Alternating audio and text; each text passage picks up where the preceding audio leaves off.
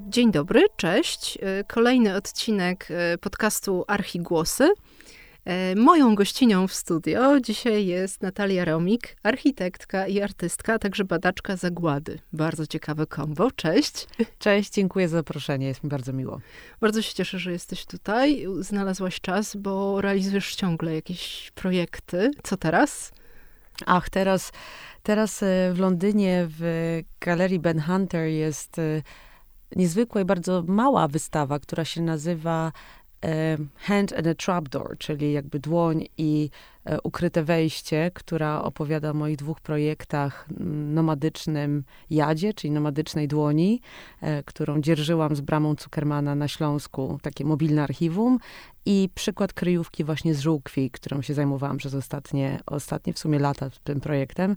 Więc e, w londyńskich tutaj e, oparach e, i bardzo ciekawej widowni i w trakcie właśnie London Gallery Weekend dużo inspiracji, dużo pięknych przeżyć i no, nowa widownia, gdzie te nasze polskie problemy, mhm. czy czy ta chmura związana z tą czarna chmura z zagładą, trzeba ją trochę inaczej odpakować, rozmawiać o niej, więc bardzo intensywny czas. Super, to dobrze, dobrze, że się dzieje, bo ostatnio to y, przecież odsłanialiśmy wszyscy y, pomnik, y, upamiętnienie na cmentarzu żydowskim na Okopowej Twój i Senna kolektyw, poświęcony członkom grupy Onek Szabat, to właściwie taki symboliczny grup. Tak, to, to było też znowu niezwykłe, takie bardzo wzruszające odsłonięcie tego pomnika, e, ponieważ e, Stowarzyszenie Żydowski Instytut Historyczny zaprosił nas jako senną kolektyw, e, no już parę lat temu, żeby mm, zbudować taki symboliczny pomnik. Tak na początku to miała być w ogóle płyta upamiętniająca e, grupę Onek Szabat. E, tutaj mm, tak e, przypominam Państwu, że jest to właśnie z hebrajskiego Radość Soboty, grupa 64 naukowców, naukowczyń, dzięki których tak naprawdę, dzięki którym wiemy, że była zagłada, jak wyglądało życie w getcie, którzy mm, dzielnie zbierali dokumenty świadczące o zagładzie i po prostu oprócz e, nie tylko samych e, materialnych e, rzeczy, również też zbierali wywiady, wspomnienia. No i wszystko, co mogli, zapakowali do olbrzymich kanek na mleko i również takich pudełek, których po wojnie większość z nich się, się zachowała. I z tych, z tych wszystkich osób tylko dwie osoby przeżyły trzy zagładę, więc nie mają symbolicznego grobu. A w moim mniemaniu, w najpiękniejszym miejscu w Warszawie, czyli na cmentarzu żydowskim, na ulicy Okopowej, e, powstał ich pomnik. Jest to pomnik niewidzialny, pomnik, który jest budowany z cegieł, mm, na których są nowocześnie ujęte inskrypcje e, hebrajskie, e, tak jak właśnie te osoby służyły podczas, podczas swojej misji. I są to właśnie trzy strzały, ponieważ też większość z tych osób była w, mm, miała poglądy lewicowe, też działała antyfaszystowsko, ale również też chociażby złamana świeca, czyli symbol przedwczesnej śmierci, śmierci kobiecej, czy chociażby przerzucanie do dokumentów, dwie dłonie, które je przerzucają. No i ten pomnik też trochę jest takim pstryczkiem w nos tego, co się dzieje, mam nadzieję, w ogóle dzisiaj, jeśli chodzi o upamiętnienia, o ciężkie monumenty, monolity, które kosztują po prostu czasami miliony złotych, a nie wiem, czy nas przybliżają do, do historii, a wręcz moim zdaniem oddalają. Więc to był taki eksperyment i on też się wy, wywodzi z tych słów, kiedy Emanuel Ringenblum, czyli taki powiedzmy no, główny, dzisiaj byśmy powiedzieli szef tego stowarzyszenia, powiedział, że wszyscy byliśmy różni wtedy w Onek Szabat. Od właśnie ortodoksyjnych rabinów, aż po lewicowych działaczy działaczki, ale razem siedzieliśmy przy wspólnym stole i działaliśmy, żeby po prostu przeka przekazać pokoleniom to, co się działo podczas zagłady. Więc to szkło też było taką interpretacją trochę jego myśli, ale też ym, no ja te, też taką ideą, że wiele rzeczy w tkance miejsce, miejskiej może powinno być nie do końca widzialne, że nie wszystko, mhm. nie wszystko musimy implikować tak bezpośrednio w ciężkim, w ciężkim, e, w ciężkiej jakby wizji materialnej. Mhm. Tak, ten pomnik, upamiętnienie, bo właśnie pomnik to jest bardziej upamiętnienie chyba. Pomnik faktycznie brzmi też zbyt ciężko i tak z rozpędu się mówi pomnik. E, jest niesamowity, bo on też pod, jakim, pod różnym kątem, w zależności od kąta, e, spod którego się na, na nie spojrzy, wygląda trochę inaczej. Z dala wygląda jak taka ściana przezroczysta cegiełek, e, z boku jeszcze inaczej. Jak się podejdzie, to widać zupełnie inne rzeczy, więc naprawdę jest rzeczywiście antytezą takich ciężkich, mocnych znaków przestrzennych. Tak, tak, jest trochę antypomnikiem. A zacznijmy tak jeszcze może od y, up-owo trochę, ponieważ mnie fascynuje to, jak ty łączysz różne światy i że można łączyć różne światy, na pozór być może różne, E, ostatnio e, gościłam tutaj e, członków grupy Centrala, którzy też, którzy są architektami, ale nie projektują komercyjnie, tylko realizują też rozmaite wspaniałe rzeczy już od prawie dwóch dekad w przestrzeni miejskiej. Bardzo ciekawe różne projekty też związane z ekologią i wyprzedzają trochę ten swój czas. I mam wrażenie, że z tobą jest podobnie, dlatego te, też te dwie rozmowy oczywiście są zupełnie, e, jesteście nakierowani na coś innego, bo u ciebie bardzo ważny jest wątek e, pamięci i wątek żydowski, ale E, że gdzieś to jest, to jest podobnie, kiedyś, e, czy sama się określiłaś, czy też określa się ciebie jako praktyka architektury, czyli nie, rozumiem, nie projektantkę, ale kogoś, kto gdzieś e, jakby wyrósł z architektury, wie na ten temat dużo, działa gdzieś tak na poboczu i właśnie łączy różne elementy z różnych dziedzin i powstaje projekt taki. Powiedz mi, jak to się w ogóle zaczęło? To znaczy, jak, jak doszłaś do tego punktu, w którym się teraz rozwijasz i rozwijasz? no, zawsze jest ciężka taka wewnętrzna wiwisekcja tego, skąd, skąd te nasze e, destynacje, kierunki się wywodzą, ale mm, dla mnie zawsze był ważny taki moment, że zdecydowałam się na studiowanie politologii, nauk politycznych. Mm, tak, no właśnie jeszcze te nauki polityczne. Tak, które były takim i są cały czas dla mnie, bo jestem też bardzo takim zwierzęciem politycznym, e, są takim otwarciem na różne strefy społeczne. Też jest w tym dużo było takiej niezgody. E, studiowałam w Warszawie, trochę też w Berlinie, prawie, prawie dwa lata i y, zawsze próbowałam dobierać jakieś zajęcia, wykłady, które są związane i z polityką, i z architekturą. Pisałam magisterkę właśnie e, o wpływie polityki na architekturę, jeśli chodzi o Berlin, początek mhm. lat 90., o te perturbacje właśnie takie po, po, mocno polityczno-architektoniczne. E, I potem była, wydarzyła się w moim życiu bardzo zabawna historia, ponieważ e, z moją przyjaciółką, drogą Aliną Sulowską, chciałyśmy pojechać do Stanów, przejechać Stany północ-południe i stwierdziłyśmy, że poszukamy jakiejś takiej pracy letniej, żeby zdobyć pieniądze na benzynę. I znalazłam pierwsze ogłoszenie w gazecie w studiu architektonicznym Nizio Design. To był 2007 rok, początek 2007. E, no i stwierdziłam, że spróbuję, może rzeczywiście na miesiąc, dwa taka praca będzie ciekawa. Zostałam tam 7 lat. I zrealizowałaś I nie pojechałam. też wystawę w, wspólnie z tak, tak, tak, to, tak, tak, tak. I, nie pojechałam mhm. północ-południe Stany jeszcze, e, także Alina, e, musimy tu coś wymyśleć. E, I no i wtedy rzeczywiście to był taki moment, kiedy nie, jako nie architektka Mirek Nizio mi bardzo zaufał. E, pracowałam przy wielu wspaniałych projektach. Chyba takim moim najważniejszym to był projekt e, rewitalizacji synagogi w Chmielniku. E, projekt odbudowy Bimy na środku synagogi ze szkła, tego szkła, które ma ponad e, trzy tony. Była, był projekt Muzeum Historii e, Żydów Polin, gdzie to była taka rzeczywiście duża i wspaniała lekcja. Ja z Sebastianem Kucharukiem zajmowaliśmy się galerią XIX wieku. I też właśnie współpraca w małych, lokalnych muzeach, w Janowie Lubelskim. To było często jeżdżenie po Polsce. I w tym samym czasie zdecydowałam się, że chcę mm, stać się architektką i zrobić doktorat z architektury. Wow. I rozpoczynałam go właśnie w takim trybie mm, part-time na Bartlett School of Architecture w Londynie, który zmienił kompletnie moje życie. Pracując też y, w Nizio Design robiłam swoje niezależne projekty y, i założyłam gdzieś właśnie już tam pod koniec swój własny kolektyw architektoniczny Senna z Sebastianem Kucharukiem, y, Piotkiem Jakowenko i Agatą Korbą. No właśnie, ale ta architektura była, czyli ona nie była na początku, tylko doszła, bo ty miałaś właśnie wykształcenie politologiczne. Jak humanistka, bo jednak to, to jest, to jest, y, to są politologia, dziennikarstwo bardzo zbliżone. To jest, y, mm, architektura to jest y, fascynująca dziedzina, ale tam liczymy, mierzymy. bardzo taka konkretna i matematyka i fizyka tutaj wchodzą w grę. Jak ty się w tym odnalazłaś? Wiesz, no zupełnie z innej strony, czyli ja zawsze dużo rysowałam i bardzo lubię rysować, szkicować.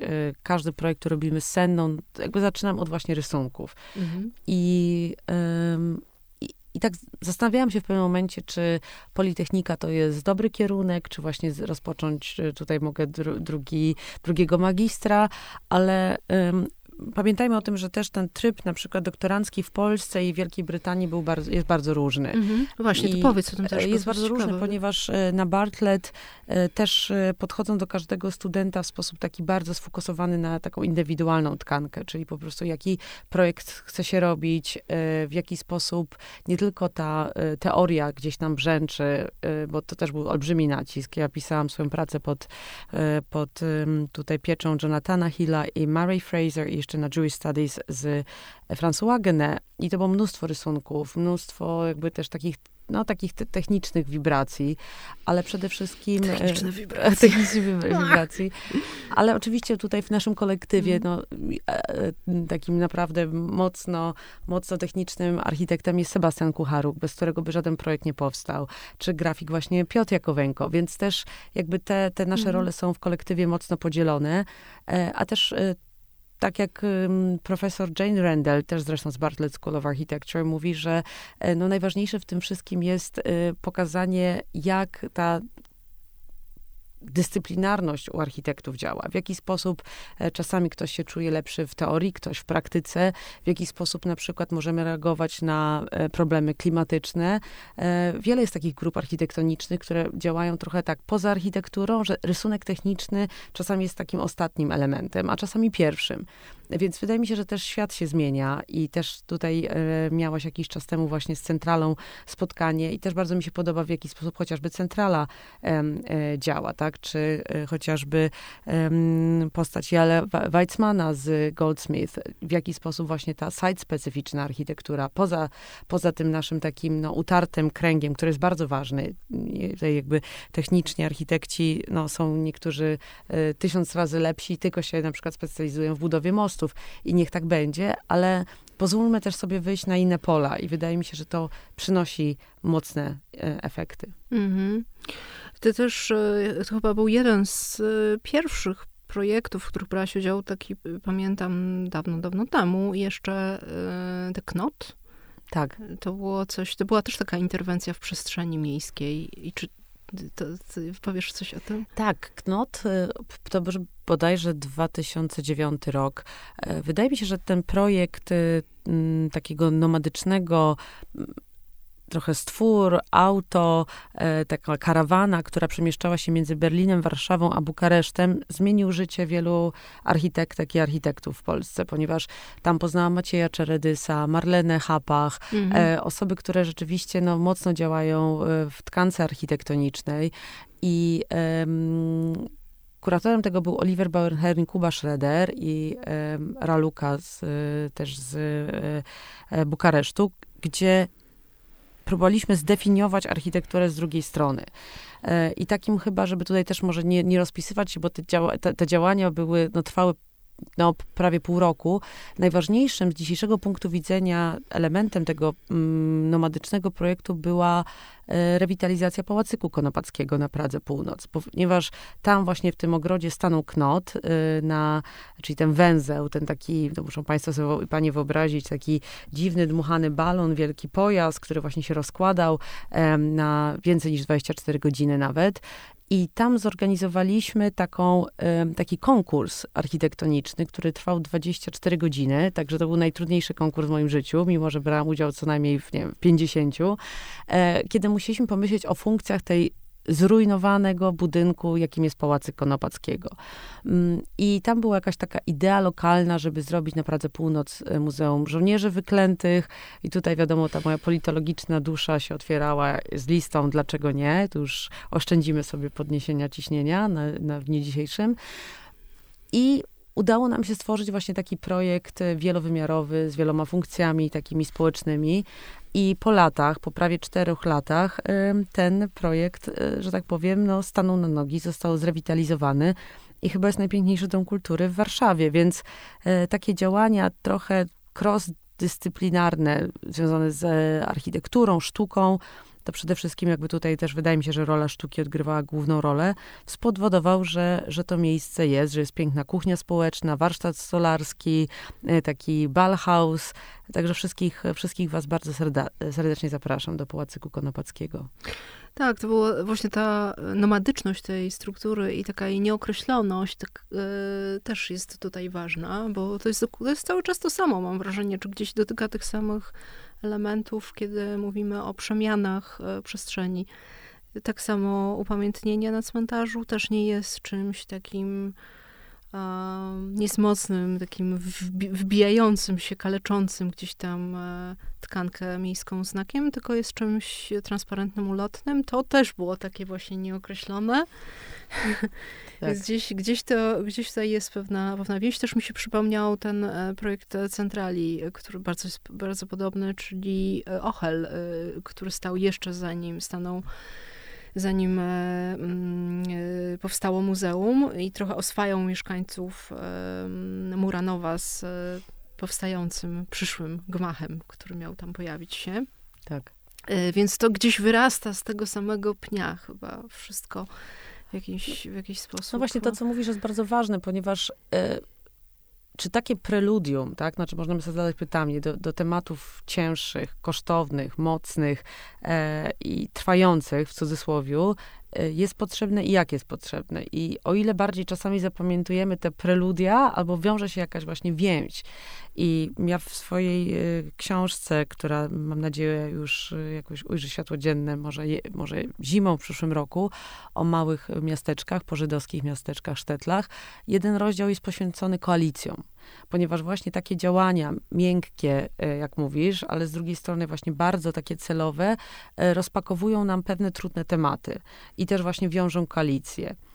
I dlatego też myślę, tak mm, zainspirowana tym, co powiedziałaś, że bez na przykład mojego projektu JAD, czyli tej wielkiej nomadycznej lustrzanej dłoni, która jeździła z tym archiwum dawnych zdjęć, fotografii, map po Śląsku w 2012-2013 roku, czy bez budowy nomadycznego archiwum Sztetla, wielkiego samochodu, które było obite lustrami po miasteczkach e, i miastach Lubelszczy, Lubelszczyzny, nie powstałaby więź właśnie z sceną kolektyw. Nie, nie spotkałabym Bramy Zuckermana, e, wspaniałych działaczy z Bramy Grodzkiej i na przykład nie stworzylibyśmy e, chociażby Muzeum Żydów Górnośląskich, z którego chyba jestem tak, tak mhm. najbardziej dumna, bo i zostaliśmy nominowani do Nagrody Europejskie Muzeum Roku dwa lata temu i m, te działania gdzieś tam się skraplały. Więc jak mnie tutaj też na początku pytałaś o to właśnie, jak ta architektura taka miękka, te, ten, ten część właśnie doktoratu, jak ona jest jakby osadzona, to właśnie część mojej pracy badawczej y, było chociażby budowanie Muzeum Żydów Górnośląskich. I bez projektu JAD on by nie powstał. Więc ja też się za, za, zastanawiam nad taką właśnie sprawczością i taką hantologiczną podeszwą tych projektów, y, że dzisiaj architekci też nie mają, architektki za dużo czasu na to, że w tym szale konkursów architektonicznych, y, brałam udział naprawdę w wielu, wielu konkursach i zawsze to jest jakby miesiąc, dwa, e, prawda, tutaj elewacje, przekroje, fajne wiski. Teraz rendery są tak niesamowite, że czasami przeglądając różne żurnale po prostu zastanawiam się, że to są same w sobie dzieła sztuki, ale widzisz, czujesz, że scenariusz po prostu no nie ma, nie, nie ma jakiegoś zakotwiczenia, tak, no i i to jest pytanie do nas, jak, czy do jakichś środowisk architektonicznych, jak dłużej ma to trwać. Mhm. Tak, i e, właśnie czas pokazuje, bo teraz mamy taką, e, takie mniej więcej dwie dekady, też mm, patrzę z perspektywy Warszawy oczywiście, ale nie tylko, no bo to są też inne miasta, tak? E, właśnie jak tutaj przywołujesz. Jak, jak tego typu właśnie takie ulotne, czy często nawet kontrowersyjne, bo gdzieś tam wyróżniające się w tej tkance miejskiej y, interwencje, powiedzmy właśnie interwencje, później y, za, faktycznie zapadają nam w pamięć i sprawiają, czy zapadają w pamięć mieszkańcom i później zmieniają podejście też e, władz lokalnych do, do danego miejsca, czy jakby coś powstaje. Tutaj oczywiście no to są koronne przykłady, no to dotleniacz. Tak. Y, oczywiście to, co powstaje później często jest tak, jest inne. inne. tak, inne, bezpiecznie to, to, to. Klip, klip, niestety. czy palma, czy te różowe jelenie, które zmiana e, stawiała w, też w różnych miejscach. Też takie zaskoczenie, tak? Mam jakiś taki element zaskoczenia, ambiwalencji, ale one faktycznie gdzieś też przez to, że się oswajamy z tym, y, zmienia się perspektywa patrzenia na dane miejsce. Y, bezpośredni użytkownik, jakby ten przyszły, już się do tego przyzwyczaja i później to koło się toczy. Oczywiście w, nie zawsze od razu, to, to, to jest proces, ale gdzieś tam zawsze do przodu, czyli te zmiany następują, nawet jeżeli one nie są idealne, nawet tak. jeżeli one są trochę od, odchylone od tego, co było na początku i to było fajniejsze w odbiorze społecznym, to jednak te zmiany są, więc natomiast jakieś takie wiesz, wielkie konkursy, które się ciągną na olbrzymie budynki, które nagle się pojawiają. Przed oczami mam już, wiesz, siatkę. Tak, czy, czy, czy, czy takie bardzo klasyczne i mocne upamiętnienia, to to chyba jest. Ja jednak wolę tę, wolę tę pierwszą grupę. E, tak jeszcze sobie myślę, e, i tutaj też chciałam e, porozmawiać o tych miasteczkach, o tych sztetlach i o kryjówkach, którymi się zajmowałaś, które też to kryjówki nie są oczywiste, to nie zawsze są pomieszczenia, ale to może być drzewo, prawda? Na przykład.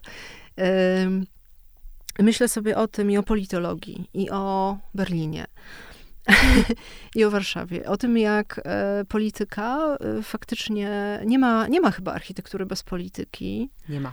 I w jaki sposób, i czy polityka może w dobry sposób w ogóle wpływać na architekturę. Mm, oraz jak e, narracje, które są podporządkowane polityce, też warunkują przestrzeń miejską, tak naprawdę. To znaczy, to jest trochę tak, jak się opowiada historię, to każdą historię można opowiedzieć na wiele sposobów, w zależności od tego, kto opowiada, i że w tej przestrzeni miejskiej też widzimy na przykład nadreprezentację jakiejś narracji, która nie, która albo jest odchylona zupełnie od prawdy o danym miejscu, albo w ogóle ją zniekształca. Mhm. E, czy to też gdzieś, jak, jak, co, ty, co ty myślisz o tym? Tak, no niestety i niestety polityka wkracza e, mocno do architektury i też do tej architektury małej, lichej, e, zapomnianej e, właśnie, czym zajmowałam się przez ostatnie trzy lata, czyli architektura kryjówek miejsc, w których ukrywali się Żydzi podczas II wojny światowej. E, ten projekt powstał z takiego ramienia, mm, to się nazywają studia postdoktoranckie. Robiłam to w takiej fundacji Gerda Henkel Stiftung, a teraz e, fundacji e, Memory de Shoah w Paryżu. I sytuacja wygląda tak, może od samego początku, że znowu upolitycznienie sprawiedliwi wśród narodów świata, czyli Żydzi, którzy pomagali, Polacy, którzy pomagali y, y, Żydom y, podczas II wojny światowej. Ich bohaterskość oczywiście jest niepodważalna i nie o tym nie chcę mówić. Ale już w 1968 roku, podczas nagonki antysemickiej, pojawił się taki okropny film w telewizji polskiej autorstwa właśnie Kidawy o Żydach, którzy są właśnie pokazani w tym filmie tacy niewdzięczni, e, potem jakby no, e, nie pomagają Polakom w PRL-u, jakby to upolitycznienie właśnie e, było bardzo, bardzo mocne. I ono też w dniu dzisiejszym przez ostatnie co najmniej 10 lat e, w naszej tutaj his historii w polityce jest też bardzo mocno upolitycznione. Mamy Muzeum Polaków Ratujących Żydów, zresztą w którym braliśmy z Niziem e, e, udział na bryłę architektoniczną. To był międzynarodowy konkurs Serpowski. Więc e, tak, e, byliśmy czteroosobową grupą. No niestety został zmieniony kontekst tej wystawy i już, że tak powiem, nie znajdziemy za wiele informacji, oprócz chyba jednej czy dwóch małych o szmalcownikach na przykład. Więc jest pokazywana jedna, jedna strona, że tak powiem, e, medalu. I mm, zaczęłam się zastanawiać właśnie podczas moich podróży po małych miastach i też badaniach z nomadycznym archiwum Sztetla, co się dzieje dzisiaj z kryjówkami. Dlaczego, mimo tego, że mamy właśnie tutaj, tyle mówimy o Sprawiedliwych, Muzeum Historii Polski też będzie dział, Muzeum w ogóle filia markowej w Warszawie, co, co jest w ogóle absurdem, e, więc zobaczymy, jak będzie to też muzeum wyglądało już za dwa lata. co się dzieje z tymi właśnie lichymi miejscami pełnych erozji? Dlaczego nikt się nimi nie interesuje? Jest wspaniała książka Marty Cobel-Tokarskiej właśnie o o kryjówkach, o, zrobiła taką wspaniałą też podział um, kryjówek na te właśnie leśne, domowe, um, gru, grupowe, pojedyncze, tam gdzie osoby się ukrywały samotnie, ona nazywa to dokładnie samotnymi. I y, zaczęłam po prostu jeździć po Polsce, y, trochę z tych kontaktów, które mam w domach kultur, ale też właśnie wśród aktywistów y, miejskich czy aktywistów związanych z żydowską pamięcią. I pojawiła się taka cała mapa te, tych kryjówek, to jest około 20 miejsc. I wtedy rozpoczęłam właśnie badanie tej małej mikroarchitektury, czyli chociażby e, drzewa Józef na Podkarpaciu, w mm, miasteczku Wiśniowa, gdzie mm, wcześniej na terenie takiego mm, parku, e, jeszcze tam mieszkała, założonego w XV wieku przez rodzinę potem Mycielskich, znajduje się drzewo. Drzewo, które ma 650 lat, jest drzewem e, kominowym, pustym w środku. I krążyła legenda, że w środku tego drzewa ukrywało się dwóch braci o nazwisku Chymi. E, no i rzeczywiście znalazłam dokument, jeden w Waszyngtonie, drugi w Rzichu, że od lat 60., szczególnie żydowscy dziennikarze byli zainteresowani tym drzewem, co się znajduje w jego środku. E, jeden dziennikarz, Julian Pelc, nawet zobaczył, że przez szparę, tak zwaną wargę drzewną, e, widać coś w środku tego drzewa. No ale czy to było wystarczające, czy to była jakby taka, no, mm, argument, że była tam kryjówka? No nie, więc wraz z dendrologiem Jerzy Bieńczykiem na mm, specjalnej takiej zwyżce e, wspięliśmy się na drzewo, udało nam się zaimplikować kamerę endoskopową i zobaczyliśmy cztery deski e, w środku, ułożone w środku tego drzewa, oparte na klamrach ciesielskich. E, I możesz sobie wyobrazić, jak te panie z Domu Kultury, zresztą wspaniały, wspaniały team w, w Domu Kultury Wiśniowej, wjeżdżają też na tej wyżce, oglądają te, te deski. Mm -hmm. I potem rok później też była ze mną um, wspaniała antropolożka Ola Janus. Udało się wyciągnąć jedną, e, jedną deskę i udałośmy ją do dendrochronologa, który ją zadatował na 42 rok. I um, udało też nam się znaleźć właśnie potomków e, tych braci. Okazało się, że oni się nazywali nie Hymi, tylko Denholz. E, okazało się, że też dane w, w Rzichu, w Polin po prostu nie były zgodne z, e, z, prawdą. Nie byli to bracia Chymi, tylko bracia Denholz. Ojciec miał Nehemię na, na nazwisko, więc Polacy go troszeczkę tutaj e, dziwnie naruszyli. No i bracia ukrywali się w różnych miejscach. To nie była tylko jedna ich kryjówka, wnętrze drzewa, ale też właśnie zbiegli z obozu w Płaszowie. Pochodzili z Frysztaka, małego sztetla niedaleko właśnie Wiśniowej i generalnie przedostali się do Stanów tuż po wojnie. I tam ich ich siostry, Mania i Helen już, e, ich córki, przepraszam, się urodziły.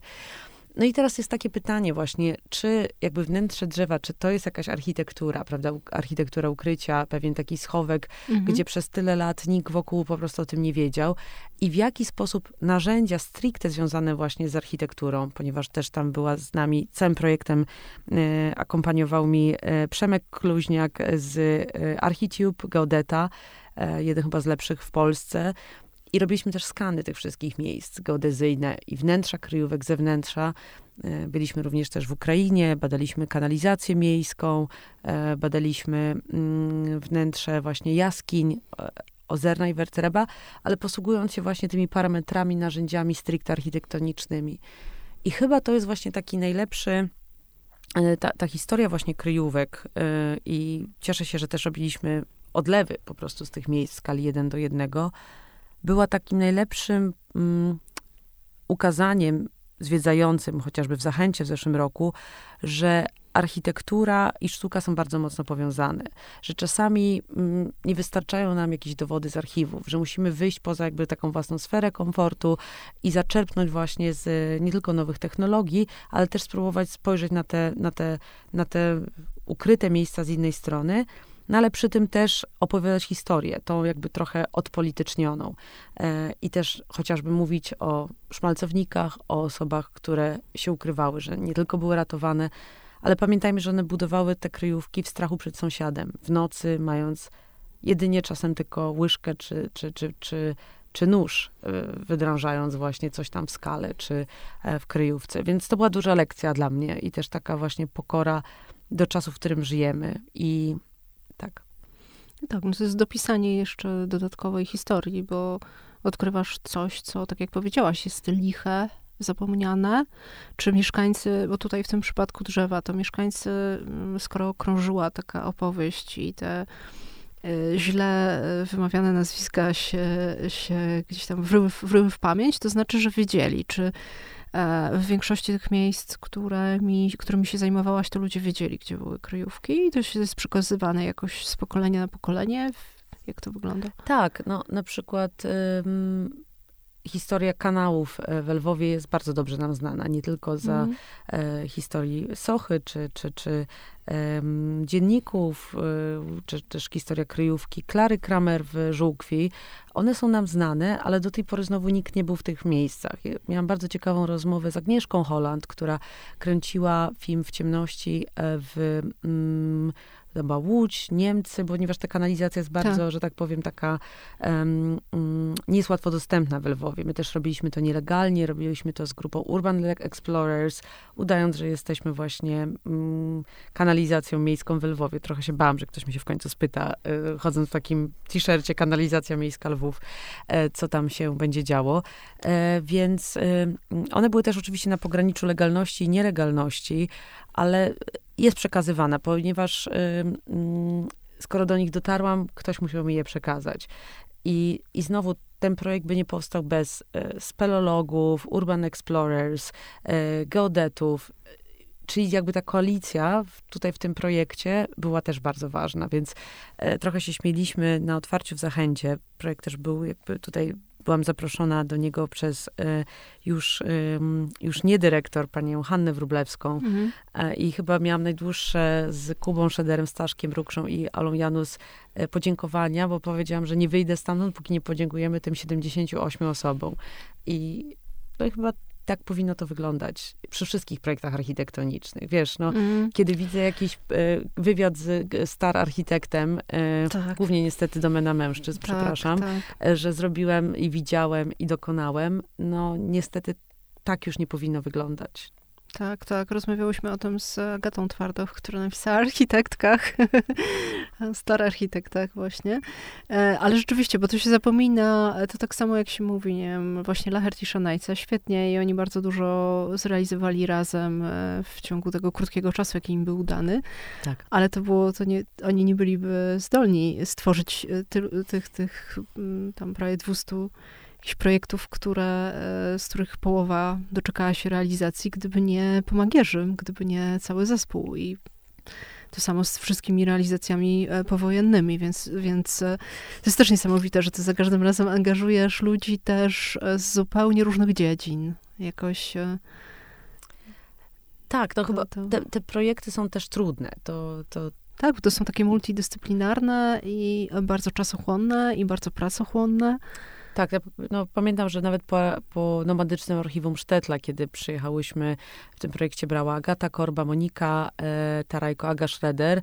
Pamiętam, że pierwszy raz po prostu padłam na łóżko w ubraniu. To, to było taki, takie, że jeżdżąc właśnie po Wycha Bychawie, Józefowie Biłgorajskim, oczywiście e, Lublin, Piaski, jako to, to było święto flaków, no, rozmawiając o zagładzie, o żołnierzach wyklętych, o pogromach lokalnych, mnie też żaden jakoś tak antysemityzm nie spotkał. Jestem członkinią też gminy tutaj żydowskiej w Warszawie, ale właśnie przez chyba ten, ten wiem, design, architekturę, że rozmawia się przez architekturę mm -hmm. o mhm. ciężkich rzeczach, jakoś tak mnie, że tak powiem, los na razie y, w tych małych miastach, bo w Warszawie to inaczej wyglądało, mogę do tego wrócić, mm -hmm. potraktował.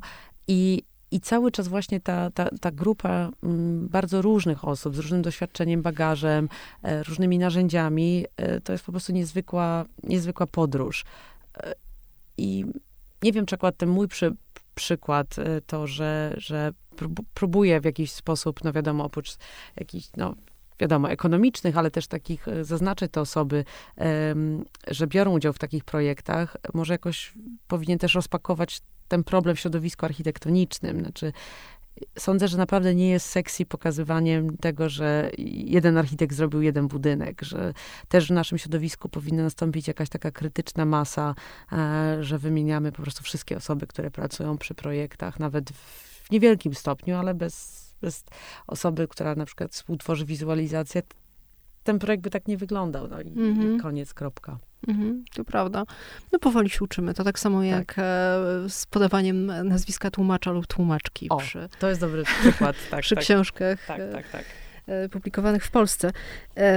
Ja zapytałam, e, czy jest, ta, czy istnieje pamięć o tych miejscach, ze względu na to, że mogłaś równie dobrze, e, nie wiem, znaleźć jakiś zapis w archiwum, czy w czyjejś relacji, a na przykład już wśród mieszkańców to mogło być kompletnie zapomniane, ale rozumiem, że jednak ludzie wiedzą i to jest związane z taką też fizycznością bardzo tych miejsc. Też ostatnio miałam takie doświadczenie, że oprowadzałam grupę studentów ze Stanów po Muranowie i właśnie y, poszliśmy na kopiec Anielewicza i oni chcieli zobaczyć, jak wygląda bunkier, czy w ogóle pytali, gdzie są bunkry, jak to wyglądało w bunkrach. Oczywiście ich odesłałam też na wystawę, um, która jest obecnie e, w wystawę czasową w muzeum, ale która jest o getcie, o powstaniu w getcie, ale też poszliśmy do, twojej, do tej instalacji właśnie przedstawiającej e, miejsce, w którym był bunkier i to im bardzo Y, pomogło. Znaczy, bo y, powiedziałam, że mogą sobie zobaczyć tą mapę, y, pójść na wystawę, ale tutaj są takie miejsca w skance miasta przy tej a tej ulicy, oglądali, patrzyli, tam był opis i już bardziej sobie to, bardziej zrozumieli, jak to wyglądało, bo kiedy patrzy się na tak. taki tylko kopiec z upamiętnieniem, to e, trudno coś zauważyć. Tak, tak myślę, czy zrozumieć jakby no te świetliki mam nadzieję, bo one w nocy świecą. Tak, tak, i, tak. I są takim skromnym upamiętnieniem. Kiedy Poli mnie się pytało właśnie, żeby jakoś upamiętnić kryjówki. Ja warszawskie kryjówki mam do nich wielką estymę, ich nie ma, to jest też moje miasto. I trochę byłam sceptyczna co do tego projektu. I wiedziałam, że tylko może światłem możemy właśnie tymi, tymi głazami ze szkła jakoś wieczorem wskazać drogę, gdzie one się znajdowały. I Czemu wie... byłaś sceptyczna? Bo to mi się kojarzy z tym projektem y, świetnym oznaczenia granic getta. Tak, znaczy sceptyczna jakby osobiście, że Aha. jednak pracując nad zagładą i kryjówkami w fizycznym wymiarze, e, było to trochę łatwiejsze, ponieważ to też było to całe zaplecze architektoniczne, współpraca chociażby z konserwatorem w Lwowie, to odkrywanie wspólnie na przykład kryjówek, jak w XVI-wiecznej kamienicy na ulicy Ormiańskiej. Ale powracając do Warszawy, mm, jakoś nigdy w swoich badaniach nie chciałam mm, tutaj walczyć z materią Warszawy. Ona jest też dla mnie, może to jest też taki opatrunek. Mhm. E, Aha, czytając okay. wspomnienia, każdy projekt zaczynam mniej więcej zamknięta w, rok w archiwum. I to są bardzo trudne historie, bardzo czarne, bardzo, bardzo duszne. E, I Warszawa gdzieś tam została na ten ostatni, ostatni element. No i też się cieszę właśnie, że to upamiętnienie tych, tych głazów, bardzo takie minimalistyczne, przyciąga wielu warszawiaków, warszawianki i na jakichś właśnie grupach różnych e, społecznościowych na Facebooku. Ostatnio mi przyjaciółka Agata Korba, która współtworzyła ten projekt też, pokazała, popatrz Natalia, ludzie chcą go zostawić na jakby na, na zawsze, żeby był Właśnie, w tej tkance miejskiej. No musi. Będziemy musieli go pewnie jakoś przerobić, może tak, żeby był oświetlany, bo każdy z nich ma akumulator niezależny, ale może, żeby był podpięty pod tkankę właśnie tutaj e, światła miejskiego. E, no mam nadzieję, że tak. I on też jest bardzo delikatny, nienachalny, e, więc e, mam nadzieję, że tak. Wiesz co, ale to jest naprawdę, bo Warszawa jest twoim miastem, ale jak ktoś przyjeżdża z zewnątrz, więc masz trochę też inną perspektywę. E, naprawdę, zanim się pojawił ten projekt Eleonory Bergman i Tomasza Leca z oznaczeniem tych granic fizycznie na e, chodnikach i z tymi pomnikami, to osobie z zewnątrz było niezmiernie trudno się zorientować, jeżeli w ogóle to by było możliwe, żeby wiedziała, gdzie to jest. I nie tylko nawet osobie z zewnątrz, bo warszawiakom, młodym.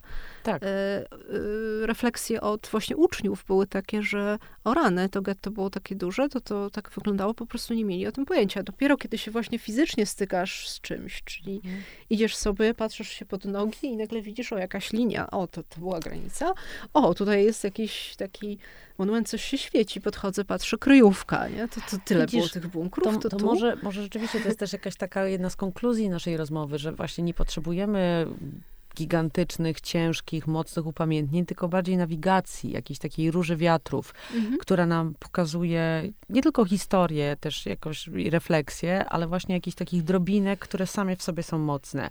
Wiesz, no jak na, na, na ulicy właśnie Muranowskiej, jak zobaczyłam wokół, wokół tego głazu, który się świeci wieczorem, ponad 100 osób, no nie ukrywam, wzruszyłam się, tak. Mhm. Też wzruszyłam się, jak byłam w Chmielniku i na tej szklanej bimie e, we, weszły dzieciaki z Chmielnika i czytały modlitwę za Żydów e, e, w, w samym Chmielniku. Te, są te, te momenty właśnie, czy w końcu w archiwum Sztetla, kiedy ktoś opowiadał o pogromach e, lokalnych w Józefowie Biłgorajskim i te, to świadectwo już jest teraz w, Żydowskim Instytucie Historycznym, że są takie momenty wzruszenia, jak właśnie ta mała architektura, znikająca, niewidzialna, mówi mocniej, po, jakby jest takim trochę przekaźnikiem tego, co po prostu mieszkańcy w małych miastach i też w dużych miastach chcą nam powiedzieć, a może nie mają takiej okazji.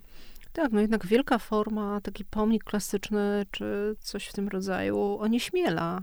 Hmm. A tutaj idziesz i nagle napotykasz się na coś małego, to jest coś dziwnego, coś, co cię wytrąca z takiej równowagi, jak chodzisz i zastanawiasz się, a z reguły człowiek jest chyba najbardziej zainteresowany siłą rzeczy, tym swoim najbliższym otoczeniem, gdzieś zwraca na nie uwagę. Coś nagle, nawet jeżeli chodzi tam tędy milion razy, to właśnie coś nagle wyrośnie na tak. jego trasie i, i, i, i zauważy i się zacznie zastanawiać i coś to może w nim zmieni. To powiedz mi jeszcze na koniec o swojej książce, bo to jest owoc wieloletniej bardzo Ach, tak, pracy tak, i to jest naukowe. Tak, to będzie publikacja naukowa e, w UCL Press e, w Londynie. Mam nadzieję, że no, może koniec jesieni, początek przyszłego roku. E, jej tytuł brzmi Pożydowska architektura niepamięci w Sztetlach. I jest to taki zbiór nie tylko moich projektów, ponieważ jest to praca też teoretyczna o, o Sztetlu, czyli małych, dawnych żydowskich miasteczkach na terenie e, Polski, e, też e, dzisiejszej Ukrainy, Białorusi, Litwy, mniej więcej i o tym, jak y, dzisiaj wyglądają te sztetle, co się dzieje z małymi miasteczkami w Polsce, w jaki sposób nie tylko same rynki, tutaj w nawiasie betonoza z wykrzyknikiem, bo lato, lato się zbliża pełną parą, radzą sobie w ogóle swoją historią żydowską. Jak dawne mykwy, czyli łaźnie rytualne, um, synagogi są przekształcane w nowych funkcjach, ale też jak właśnie projekty typu JAD, czyli ta wielka olbrzymia dłoń jeżdżąca po ulicach Śląska, którą robiłam z bramą Zuckermana, czy nomadyczne archiwum Sztetla, e, czy właśnie Muzeum Żydów w Gliwicach, są takimi projektami, które skraplają, e, skraplają wiedzę. Mm, nie dlatego, że to jest moja rola jako architektki, ale to jest też rola projektów publicznych. I jeden rozdział będzie poświęcony e, znikaniu. Lustrom, czyli takie moje główne medium w projektach, i o w ogóle zanikaniu, e, zanikaniu pamięci. Więc będzie to trochę taki eksperyment architektoniczno-artystyczny. No i y, może też pokaże się kiedyś, kiedyś w języku polskim, a teraz też y, pracuję nad książką o kryjówkach. Także dwie, dwie sytuacje o kryjówkach w Polsce, w Ukrainie i właśnie o tej architekturze lichej, małej, niewidzialnej. No i również też będzie pewnie rozdział o tu i tam o koalicjach. O, świetnie. Że to będzie taki trochę, tak jak katalog do wystaw, czy, czy bardziej e, reportaż? Jeśli chodzi o kryjówki, będzie teraz w Muzeum e, Żydów we Frankfurcie. Pracujemy nad katalogiem wystawy, ponieważ wystawa o kryjówkach przenosi się w lutym do, e, do Frankfurtu, ale też będzie moja książka teoretyczna o kryjówkach. Więc to w przyszły rok dużo, dużo, dużo, dużo pisania, dużo takiego działania, że tak powiem, w samotności. No i też e, w przyszłym roku wystawa o wspaniałym sztetlu, sztetlu opatów, e, którą robię z Justyną Koszarską-Schulz, e, Barbarą Kirschenblatt-Gimlet. E, przyszły rok maj w Muzeum Historii Żydów Polskich Polin. Wystawa o Majerze Kirschenblatcie, ale również o współczesnym opatowie, mm. sztetlu, jakich były tysiące. Świetnie. Trzymam kciuki w takim razie. Ty się regenerujesz takim płodozmianem, to znaczy potrzebujesz na zmianę masz bardzo dużo energii i dużo spotkań i dużo interakcji z ludźmi przy projektach i potem siadasz i piszesz i się wyłączasz, czy jakie masz jeszcze? Pisanie to na pewno nie jest, to jest, to jest ciężka walka, to nie jest regeneracja. E, regenerujemy się nawet w demonstracjach. Nie no, to taki trochę żart, ale e, nie wiem do końca jak. Wydaje mi się, że rzeczywiście no, moja praca przynosi mi radość, ale tak, przydałby się jakiś taki czas wyciszenia, jakichś dłuższych wakacji, ale to nie wiem, czy w tym roku. Nie, nie rób, rób. Działaj dalej. Spacery, spacery. tak. Dziękuję Ci bardzo za przyjęcie zaproszenia i za tę rozmowę. Moją gościnią była dzisiaj Natalia Romik, architektka i artystka, ale też badaczka zagłady i jeszcze wiele przymiotników można by tutaj użyć, ale to podstawowe określenia tego, czym się zajmuje. Dziękuję, a to był podcast Archigłosy, kolejny odcinek. Ja się nazywam Beata Chomantowska. Do zobaczenia. Dziękuję za zaproszenie.